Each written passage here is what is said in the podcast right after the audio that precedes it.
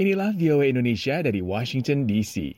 Menurut sebuah laporan oleh The Brookings Institute, sebuah lembaga kajian terkemuka di Amerika, hampir 3 juta unit senjata api terjual sejak bulan Maret tahun ini. Lebih banyak dari tahun-tahun sebelumnya pada periode yang sama. Ini juga membuktikan bahwa orang-orang yang sebelumnya belum pernah memiliki senjata api kini antri untuk memperolehnya. Selengkapnya dapat disimak dalam liputan ini. Sam Barbakoff adalah seorang instruktur menembak. Setelah seharian penuh di lapangan tembak yang sibuk, ia membantu mengosongkan peluru dari senjata yang habis dipakai. Namun, ia selalu membawa senjata apinya sendiri setiap saat karena ia yakin bahwa sebuah senjata harus selalu berada di dekat pemiliknya.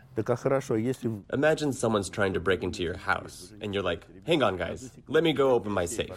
No, the gun should always be on you. Jadi apabila ada orang yang memaksa masuk ke rumahnya, ia tak perlu mencari-cari lagi senjatanya, dan selalu siap di dekatnya. Sam Barbakoff yang aslinya berasal dari Rusia selalu menyukai senjata api. Ia juga berada di lokasi yang tepat karena Florida, negara bagian tempat tinggalnya sekarang, mengizinkan para warga sipil memiliki senjata api. Saat ini ada 450 ribu senjata api yang terdaftar dan dimiliki oleh warga Florida. Ini merupakan angka kepemilikan senjata nomor dua terbesar di Amerika setelah Texas. Belum lama ini, terjadi lonjakan angka pembelian yang cukup besar di negara bagian pecinta senjata ini sejak bulan Maret, terdiri dari para pemilik baru, dan ini terjadi di seluruh penjuru negara. Warga Amerika kini berlomba-lomba senjata, sehingga angka penjualan memecahkan rekor. Sistem pemeriksaan latar belakang kriminal nasional yang dikelola kantor FBI melakukan lebih dari 19 juta cek latar belakang warga pada tengah tahun pertama 2020 ini 6 juta lebih dibandingkan setengah tahun pertama 2019.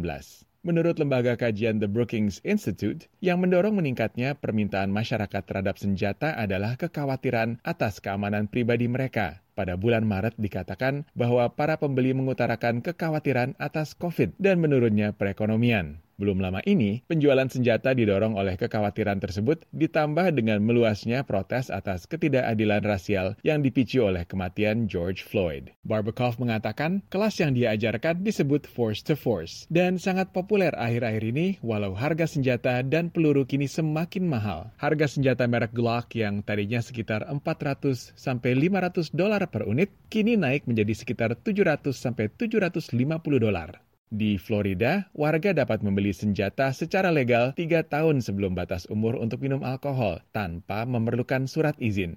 Berikut adalah Michael Caruso, seorang pemilik dari sebuah toko senjata di Florida. I'd say 95% of the people coming through the door right now are first-time gun buyers. That... Perkiraan saya sekitar 95% dari orang yang kini datang untuk membeli senjata adalah para pemula yang baru pertama kali memiliki senjata. Mereka melihat berita dan menyadari apa yang sedang terjadi di negara ini. Mereka khawatir dan mereka ingin agar bisa membela diri, keluarga, dan kepemilikan mereka lainnya. Para pakar mengatakan melonjaknya penjualan senjata api pada umumnya terjadi pada masa di mana keadaan dan situasi lingkungan serba tidak jelas. Para pendukung regulasi senjata mengatakan bahwa melonjaknya penjualan kemungkinan besar akan menyebabkan penembakan tanpa disengaja. Reality is is that the chance that you will ever use a gun pada kenyataannya, sangat kecil kemungkinan seseorang akan menggunakan senjata untuk membela diri atau keluarganya angka statistiknya mungkin sekitar 0,2 persen. Sementara kemungkinan kita menggunakan senjata tersebut terhadap diri atau keluarga kita setelah senjata tersebut dibawa pulang ke rumah meningkat sebanyak 300 hingga 500 persen.